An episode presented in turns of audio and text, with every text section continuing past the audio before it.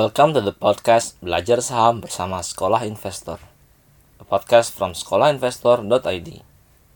Kembali lagi bersama saya, Dirga, dan hari ini saya akan membahas the 10 minutes test dalam menentukan apakah sebuah saham layak untuk dianalisa lebih lanjut atau tidak.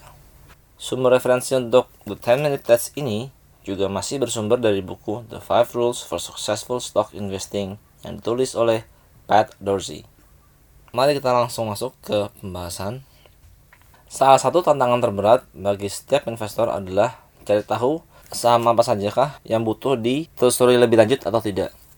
Menanyakan pertanyaan-pertanyaan ini akan membantu kita untuk mengeliminasi setidaknya 50% dari emiten-emiten yang kita harus teliti lebih lanjut. Membuang saham-saham yang dari awal sudah terlihat tidak menjanjikan dalam awal proses akan membuat kita memiliki waktu lebih untuk menginvestigasi saham-saham yang memiliki value dan potensi yang nantinya bisa menjadi sebuah investasi yang bagus. Poin-poin yang nantinya akan dibahas hanyalah rules of thumb atau poin-poin yang bisa membantu untuk memulai. Jadi semuanya tidak saklek ya. Meskipun pertanyaan-pertanyaan ini terlihat uh, begitu banyak atau begitu repot pada awalnya. Tapi dengan 10 tahun kompilasi data finansial perusahaan, kita bisa dengan mudah menjawab semua pertanyaan ini. Oke, masuk ke pertanyaan pertama. Does the firm pass a minimum quality hurdle? Apakah perusahaan ini melewati kualitas minimum yang harus dimiliki oleh setiap perusahaan? Satunya yaitu perusahaan-perusahaan yang memiliki kapitalisasi market yang kecil adalah perusahaan-perusahaan yang harus kita langsung singkirkan. Lalu yang kedua, selain market capitalization, perusahaan-perusahaan yang merupakan hasil dari IPO yang belum lama saja melakukan IPO adalah perusahaan-perusahaan yang juga sebaiknya kita hindari karena perusahaan-perusahaan yang baru saja IPO adalah perusahaan-perusahaan yang sejak awal mereka memutuskan untuk go public adalah perusahaan yang yakin bahwa mereka akan bisa menjual saham mereka dengan harga yang tinggi. Jadi biasanya saham-saham IPO bukanlah saham-saham dengan harga valuasi yang murah. Kebanyakan IPO adalah perusahaan-perusahaan yang baru yang tidak memiliki track record yang panjang kecuali perusahaan-perusahaan yang merupakan pecahan dari perusahaan utama atau merupakan anak perusahaan. Seperti contohnya uh, eh, ICBP yang merupakan pecahan dari INDF. Perusahaan-perusahaan ini biasanya memiliki sejarah operasional yang panjang yang sudah baik namun mereka tidak lagi mau memanage di bawah satu payung perusahaan yang sama. Sehingga mereka akhirnya membuat sebuah spin-off atau perusahaan baru namun track recordnya bisa dipegang karena perusahaan utamanya memiliki track record yang bagus dan terbukti ICBP sejak awal kali berdiri di tahun 2010 tumbuh kuat dan cepat bahkan mengalahkan valuasi dari induk perusahaannya INDF pertanyaan selanjutnya adalah has the company ever made an operating profit apakah perusahaan sudah membuat keuntungan dari hasil operasionalnya. Sering sebuah perusahaan yang masih dalam tahap membakar uang ada perusahaan-perusahaan yang paling menarik. Mereka biasanya menaruhkan produk jenis baru atau menaruhkan service jenis baru di mana dunia belum pernah melihatnya. Namun, saham-saham seperti ini lebih sering memblow up menghancurkan portofolio kita daripada sebaliknya mereka biasanya hanya memiliki satu jenis produk atau satu jenis service dalam pipeline mereka.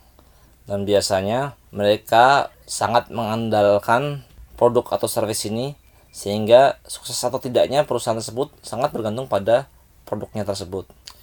Jadi si perusahaan sangat mengandalkan produk untuk make or break dari company. Make artinya berhasil, break artinya gagal. Melihat dari berbagai macam banyaknya startup yang gagal, break atau gagal adalah kejadian yang lebih sering daripada make dari make or break tersebut e, kecuali anda mencari alternatif dari tiket lotre sebaiknya kita menghindari perusahaan-perusahaan yang belum memiliki bukti untuk menghasilkan uang pertanyaan selanjutnya does the company generate consistent cash flow from operations apakah perusahaan menghasilkan cash flow yang konsisten dari operasional perusahaan? Sebuah perusahaan yang tumbuh dengan cepat atau fast growing biasanya mereport profit sebelum mereka mengenerate cash. Tapi setiap perusahaan harus mengenerate cash pada akhirnya. Perusahaan yang memiliki negative cash flow dari operations pada akhirnya harus mencari jalur pembiayaan, jalur financing lain dari menjual obligasi atau bahkan menjual saham lebih banyak lagi kalau di si perusahaan menjual obligasi buat mendukung pembiayaan perusahaannya, mendukung finansial perusahaannya, itu akan meningkatkan risiko dari perusahaan, risiko hutang. Di mana apabila si perusahaan menjual saham, menjual lebih banyak saham lagi, menjual saham lebih dari yang sebelumnya berada di pasar, maka akan terjadi dilusi terhadap kepemilikan saham oleh shareholder Pertanyaan selanjutnya. Our returns on equity consistent above 10% with reasonable leverage. Apakah ROE, return on equity, konsisten di atas 10% dengan leverage yang masuk akal? Leverage itu si perusahaan melakukan pinjaman buat meningkatkan produktivitas perusahaan. Gunakan angka 10% minimum ROE sebagai batas minimum. Untuk perusahaan-perusahaan non-financial, sebuah ROE yang kurang dari 10 selama 4 tahun dari setiap lima tahun adalah perusahaan yang sebaiknya kita hindari. Itu untuk perusahaan non financial. Untuk perusahaan-perusahaan financial seperti bank, kita sebaiknya naikkan batas minimum ROE-nya menjadi 12%. Lalu jangan lupa untuk selalu mencek leverage si perusahaan untuk memake sure kalau leverage yang digunakan masih sejalan dengan rata-rata industri. Artinya penggunaan hutangnya masih di dalam batas kewajaran. Bila perusahaan memiliki ROE sebesar 15%, namun dengan catatan dia mendapatkan 15% tersebut dari leverage yang minimum, itu jauh memiliki kualitas yang lebih tinggi daripada perusahaan yang menghasilkan 15% yang sama namun menggunakan banyak leverage atau banyak hutang. Tapi ada pengecualian nih untuk perusahaan-perusahaan yang cyclical atau perusahaan-perusahaan yang volatile yang naik turunnya pemasukan. Uh, artinya sepanjang tahun ada masa-masa dia menghasilkan earnings lebih tinggi ada bulan-bulan di mana dia earnings rendah. Perusahaan-perusahaan ini pasti akan memiliki result yang berbeda-beda ROI-nya dari tahun ke tahun tapi biasanya perusahaan yang selalu menghasilkan uang dan memiliki ROE yang bagus biasanya mereka akan tetap menghasilkan uang dan teori yang bagus tersebut bahkan pada waktu-waktu yang sedang sulit seperti mungkin saat ini terjadinya coronavirus. Pertanyaan selanjutnya, is earnings growth consistent or erratic? Apakah pertumbuhan earnings konsisten atau naik turun? Perusahaan-perusahaan yang bagus adalah perusahaan yang selalu mempost growth rates yang konsisten tiap waktunya.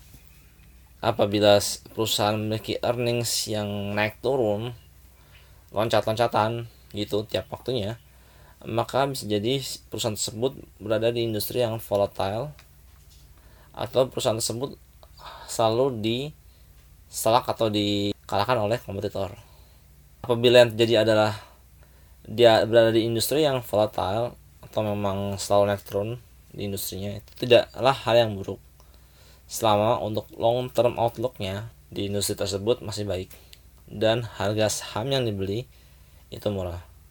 Namun apabila yang terjadi memang karena si perusahaan selalu dikalahkan oleh kompetitor atau selalu di dilewati diselak oleh si kompetitor maka itu adalah problem yang besar. Bila itu yang terjadi, sebaiknya kita hindari. Pertanyaan berikutnya, how clean is the balance sheet? Seberapa bersih balance sheet perusahaan, perusahaan yang memiliki banyak hutang harus mempunyai extra care karena struktur capital perusahaan biasanya jelimet atau nggak nggak mudah di, diurai lah. Apabila sebuah perusahaan non bank memiliki financial leverage ratio di atas 4 atau debt to equity ratio lebih dari satu, kita harus menanyakan beberapa pertanyaan berikut. Yang pertama, apakah perusahaan berada di bisnis yang stabil? Perusahaan-perusahaan di industri seperti consumer goods biasanya bisa bertahan sekalipun dia memiliki leverage banyak dibandingkan perusahaan-perusahaan yang secara ekonomi sensitif dengan earnings yang volatile. Pertanyaan kedua, apakah hutangnya setiap waktunya berjalan tumbuh naik atau turun dari total aset? Satu yang hal yang mesti kita pastikan adalah kita harus memastikan si perusahaan tidak memiliki tren di mana hutangnya selalu naik tiap saat berbanding dengan total aset. Pertanyaan berikutnya dari how clean is the balance sheet adalah do you understand the debt? Apakah kita bisa mengurai apa saja maksud dari hutang si perusahaan? Apabila dari sedikit mengintip annual report, ternyata utang-utangnya dipertanyakan atau dia memiliki instrumen utang yang membingungkan, maka sebaiknya kita skip saja perusahaan tersebut. Karena di luar sana masih banyak perusahaan-perusahaan yang memiliki capital structure yang lebih simple. Oke, lanjut ke pertanyaan berikutnya dalam 10 minutes test ini. Does the firm generate free cash flow? Apakah perusahaan menghasilkan free cash flow?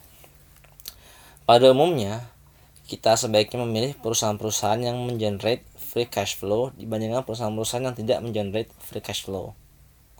Atau kita memilih perusahaan-perusahaan yang lebih mengenerate free cash flow dibandingkan yang lebih sedikit. Tapi ada pengecualian bahwa masih tidak apa-apa untuk sebuah perusahaan untuk mengenerate negatif free cash flow hanya apabila si perusahaan tersebut menginvestasi cash flow yang lebih tersebut yang nantinya akan berbuah manis di kemudian hari di masa depan. Contohnya saja seperti Starbucks. Starbucks uh, tidak mengenerate free cash flow yang positif hingga 2001. Namun, tidak ada pertanyaan bahwa Starbucks telah menghasilkan sebuah economic value yang baik bagi si perusahaan maupun bagi para shareholder jauh sebelum tahun 2001. Contoh lainnya adalah Netflix. Netflix hingga hari ini masih membakar cash untuk mengenerate original content bagi streaming service-nya. Mereka membakar tiap uangnya untuk perusahaan lain karena mereka merasa uang-uang tersebut bisa digunakan untuk secara agresif diinvestasikan untuk bisnis mereka. Eh, Starbucks misalnya dia secara agresif membuka toko-toko di seluruh Amerika, bahkan lanjut ke seluruh dunia dengan free cash flow-nya. Lalu Netflix dia mengenerate film-film serial-serial dengan kualitas tinggi dengan free cash flow yang mereka miliki untuk bisa memiliki keunggulan dibanding streaming service lainnya yang ada di seluruh dunia. Tim manajemen mereka percaya bahwa mereka melakukan investasi dengan high return untuk tiap free cash flow yang mereka hasilkan. Jadi jangan langsung dihapus perusahaan-perusahaan dengan negatif free cash flow apabila ROE mereka solid atau bagus dan melewati tes-tes lain yang barusan sudah kita bicarakan.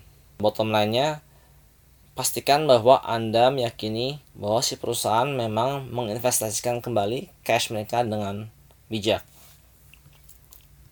Ya, demikianlah pembahasan The 10 Minutes Test untuk menentukan apakah sebuah perusahaan layak dianalisa lebih lanjut atau tidak. Saya Dirga dari Sekolah Investor.id mengucapkan terima kasih telah mendengarkan and see you on the next episode.